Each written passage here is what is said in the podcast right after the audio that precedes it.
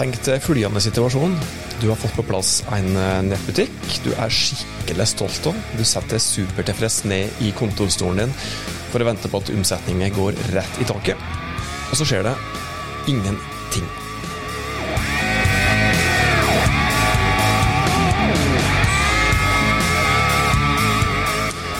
Hei, hjertelig velkommen til Hauspodden, podkasten fra fagfolket i Haus, som er på plass for å hjelpe deg holde fast i dag med nettbutikk. Og da trenger jeg litt hjelp av kollega Hanne. Eller bare for å si det like innledningsvis, da, hvis du nå egentlig bare vurderer å skru av skru denne podkastepisoden her, så tenker i hvert fall jeg at ja, dette her er en episode du har nyttet av uansett om du driver med nettbutikk i dag, om du kanskje vurderer å ha en nettbutikk i morgen. Og så tror jeg nok òg at eh, en del av de tipsene som vi skal touche innom, er relevante sjøl om du kanskje driver med litt eh, andre ting, og kanskje òg har en fysisk butikk, eller tar imot kunder på en fysisk eh, lokasjon. Men hei, Hanne. Hei. Altså, Jeg sa da at du er kollega, men det er egentlig ikke kanskje den beste grunnen til å ha med deg i en episode her i dag. Det er rett og slett fordi at eh, det er du som er den superstødige og som har lengst erfaring på eller med nettbutikk. Og Kan ikke du fortelle først uh, hva, hva erfaring du har fra ordentlig drift av en ordentlig nettbutikk? Ja, nå er det jo sånn at som du sier, så jobber jeg jo ikke med kun nettbutikker akkurat nå, men jeg har jo erfaring fra to forskjellige nettbutikker. Eh, jeg starta jo karrieren i Vita. Eh, Jobba som produktsjef for nettbutikken der eh, i noen år. Og så fortsatte jeg som nettbutikksjef for Woodland, og var der i et drøyt år, da. Um, så det å drifte nettbutikken var jo på en måte det jeg satt med uh, til hverdags og på daglig basis. Så um, det var jo den erfaringa jeg hadde med meg inn i Haus, egentlig. Uh, Sjøl om jeg tok uh, markedsføring på studiet, så var det nettbutikk som ble løsningen i, når jeg skulle ut i jobb. Og det, det høsta jeg veldig mye erfaring på. Eh, både fordi at eh, lederne ga meg muligheten, egentlig, eh, men òg det å kunne ta erfaring fra fysisk butikk inn i nettbutikk, er jo òg noen ikke kanskje tenker på sånn til vanlig, da. At, at en fysisk butikk funker jo på akkurat samme måte som en nettbutikk og vice versa. Bare på nett. Så egentlig så er det like, kanskje grunnleggende tips da, å tenke litt hvordan du, ja, hvis du har en fysisk butikk, tenk litt på hvordan du optimaliserer den fysiske butikken. Og hvis du oppsøker en fysisk butikk òg, som sikkert lytterne gjør, så er det vel kanskje greit å tenke på hva er det som gjør en fysisk butikkopplevelse bra, og hva gjør òg en fysisk butikkopplevelse dårlig, for det finnes jo dårlige opplevelser der òg. Mm. Absolutt. Det er jo enkelt å få satt opp en nettbutikk. Teknisk sett så er det jo ikke så mange minutter som skal til, da, men det er å få bra med omsetning, bra salg, det er jo en helt annen sak. For det hjelper ikke å ha en nettbutikk så lenge ingen finner nettbutikken. Det handler om synlighet, ikke sant. Uh, og det hjelper ikke å ha en nettbutikk så lenge du ikke har produktet som, som målgruppa de vil ha. Det hjelper ikke å ha nettbutikk hvis det er så rotete i butikken at kunden din ikke finner noe som helst. og Likeens hvis en får dårlig service i kassa, eller ikke finner kassa òg, så er jo det å Hvis du tenker på en fysisk butikk, det er iallfall slike ting som må være på plass. Mm. Um, og hvis du da skal være helt konkrete, du som har hands on erfaring fra relativt voksne norske nettbutikker, hvilke tips vil du komme med til den som hører på nå, som enten har en nettbutikk, eller som vurderer å starte en nettbutikk, og som naturlig nok ønsker at flest mulig skal handle mest mulig i nettbutikken? Jeg tenker jo eh, Det er jo ganske mange ting en kan gjøre. Eh, men samtidig så er det jo noen ting som er litt mer eh, relevant enn andre. Og det, det varierer veldig fra hvilke varer du selger i nettbutikken òg. Men så tenker jeg at det å gjøre det enkelt å finne fram, er kanskje det som er det aller viktigste. Mest fordi at um, har du en nettbutikk som skal spesialisere seg innenfor ett marked, så er det ikke nødvendig å ha uh, fullt sortiment av ting som kan være relevant. Um, for da blir det fort veldig mange produkt. Uh, veldig vanskelig å finne fram. Uh, og da er det veldig viktig å ha gode filtreringsløsninger. Eh, god, godt søkefelt eh, som klarer å finne de riktige produktene. Um, for når kunden først har kommet inn i nettbutikken, så har han stort sett brukt ganske mye tid på research fra før. Og da er det ikke nødvendigvis at den trenger å klikke seg så mye rundt inni sjølve nettbutikken, tenker jeg. Det, når den først har kommet inn, så er poenget å selge. Du skal selge produktet som han har funnet. Eller hun. Han eller hun har funnet. Um, og da skal det være enkelt. Du sa det at du skulle ja, at det ikke var så smart å ha altfor mange produkter. Men hvis du har et stort produktsortiment slik i utgangspunktet, da, eh, mm. betyr det du sier at du skal rett og slett skrote enkelte produkter, ikke ha dem i sortimentet i hele tatt? Eller skal du bare gjemme dem litt lenger bak i lokalet, kanskje bare ha dem på lageret og ha de viktigste produktene fremst i hylla? Ja, jeg tenker at det er ikke nødvendig å ha så mange hyllevarmere, da.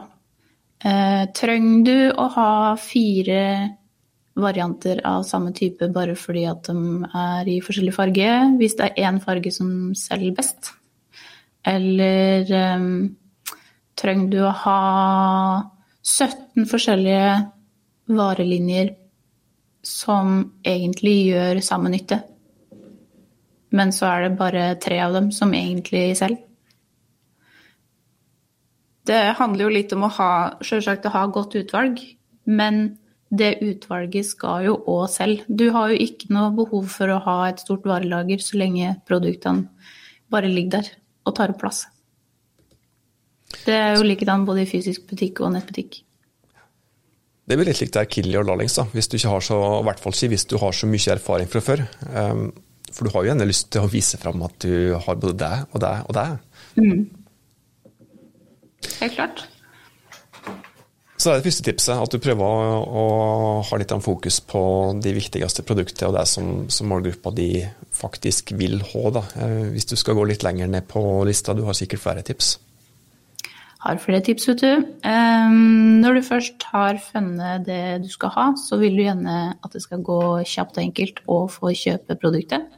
Så en rask og enkel checkout, altså en handlekurv og kasseløsning, er jo egentlig det det bunn, i bunn og grunn står og gjelder på. Um, hvis det er mange steg før kunden kommer seg gjennom kjøpsprosessen, så er det fortere gjort at den detter av.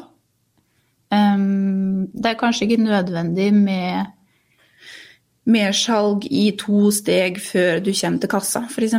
Kanskje du kan ha mersalg i kassa. Uh, kan du ha ei side med mersalg? Trenger du mersalg? Det er jo ikke alle som trenger det. Jo raskere og enklere, jo bedre, tenker jeg. Ja. Altså stuttast vei til kassa og færrest mulig punkt. Ja. Altså hvis det, Har du noen mer tips i så måte? Hvis jeg skal tenke på mine digitale handleopplevelser, så blir det litt likt det er småsnurt hvis jeg må fylle ut fryktelig mye informasjon før jeg kommer til kassa. Um, mm. Hva tenker du om det? Det å tenke litt sånn um, Det er litt sånn tid er penger, egentlig. Jo, altså hvis ting er forhåndsutfylt, så går det superkjapt å bare klikke seg gjennom og få det bestilt hjem. Um, men må du begynne å lage en profil, logge inn for å kunne kjøpe, da blir terskelen litt høyere for kunden å faktisk gjennomføre kjøpet, da. Og det er for mest mulig informasjon forhåndsutfylt. Det finnes vel løsninger for det òg. Eh, Altså type, Du kan bruke Facebook-innlogging som du har, og så hente nettbutikkløsninger informasjonen din fra Facebook-profilen din. Eh, Fins det mm. andre løsninger som du vet om? Um, nå er det jo hovedsakelig Klarna, egentlig, som jeg har jobba med. Um, og der ligger jo alt lagra fra før. Um, hvis du en gang har handla med Klarna, så kan du bare legge inn den aller mest nødvendigste informasjonen, enten e-postadresse eh, og postnummer, og så autofylles resten. Og det er jo kjapt og enkelt, egentlig. Og slik sett så blir kanskje det et tips òg, at du i hvert fall bør ha med Klarna som et av betalingsalternativet? Mm. Det er en veldig grei løsning, i hvert fall.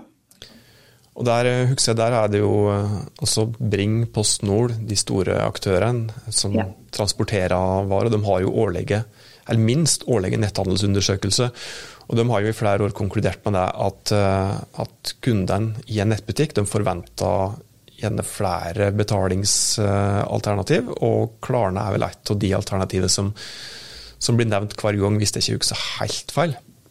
De er jo en av de største, så da blir det naturlig at eh, de òg ryker ganske langt opp i køen. VIPS har jo kommet ganske langt, eh, og det er mange nå som har VIPS integrert i Klarna-checkouten sin. Eh, og noen har jo PayPal i tillegg. Jeg tror nok kanskje VIPS har gjort at kunder enda enklere kan handle raskt i nettbutikker. Ehm, fordi at det er bare klikk, klikk, og så er du gjennom.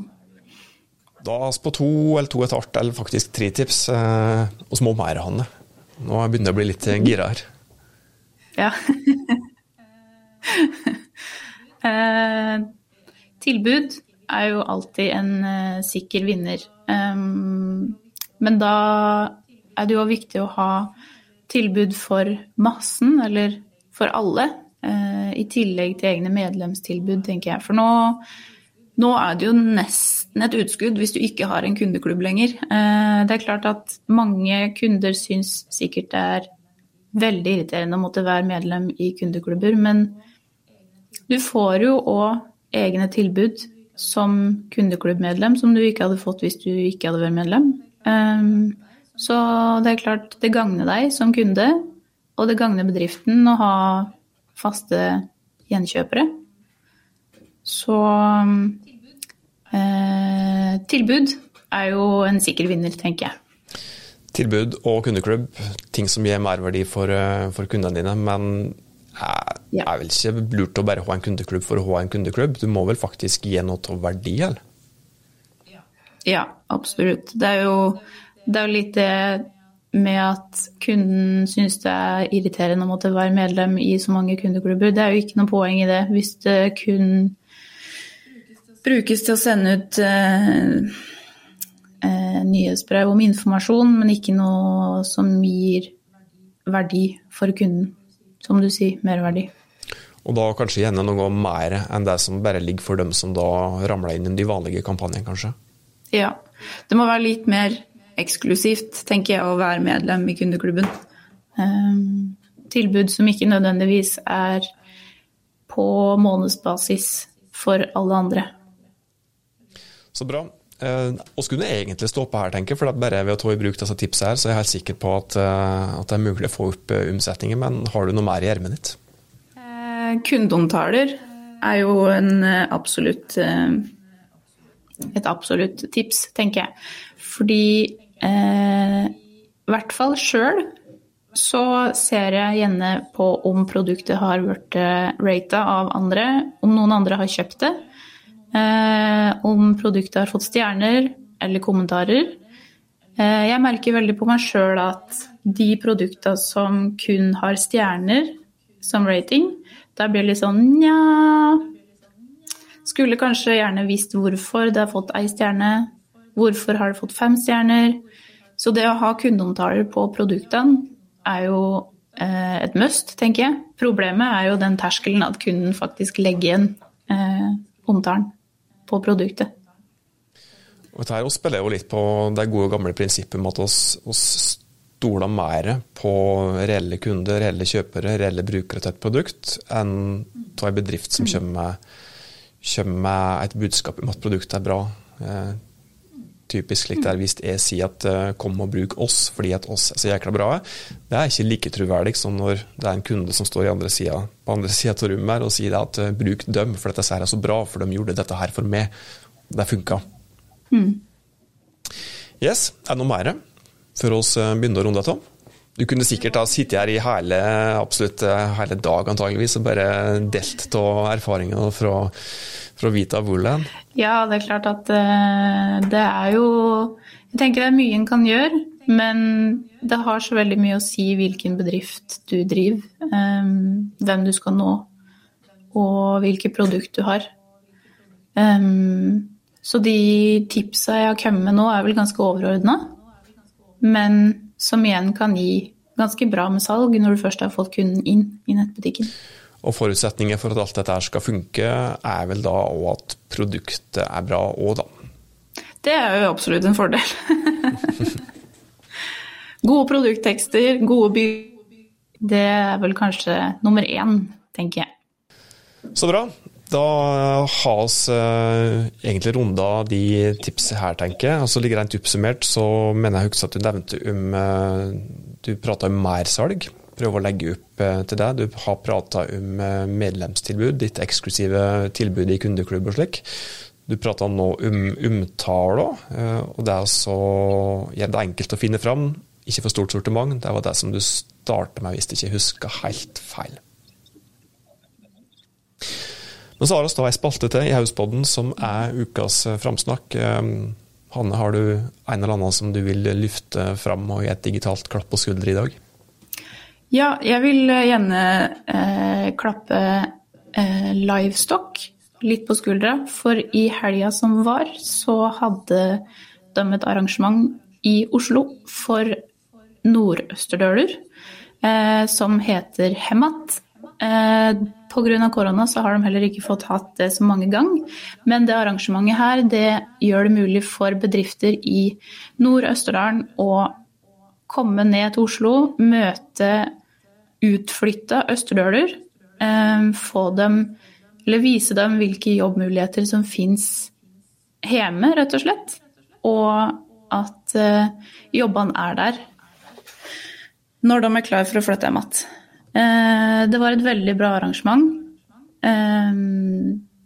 Så veldig klapp på skuldra for dem. Veldig bra initiativ. Veldig bra oppmøte av østerdøler. Det er jo kjempebra. Så bra.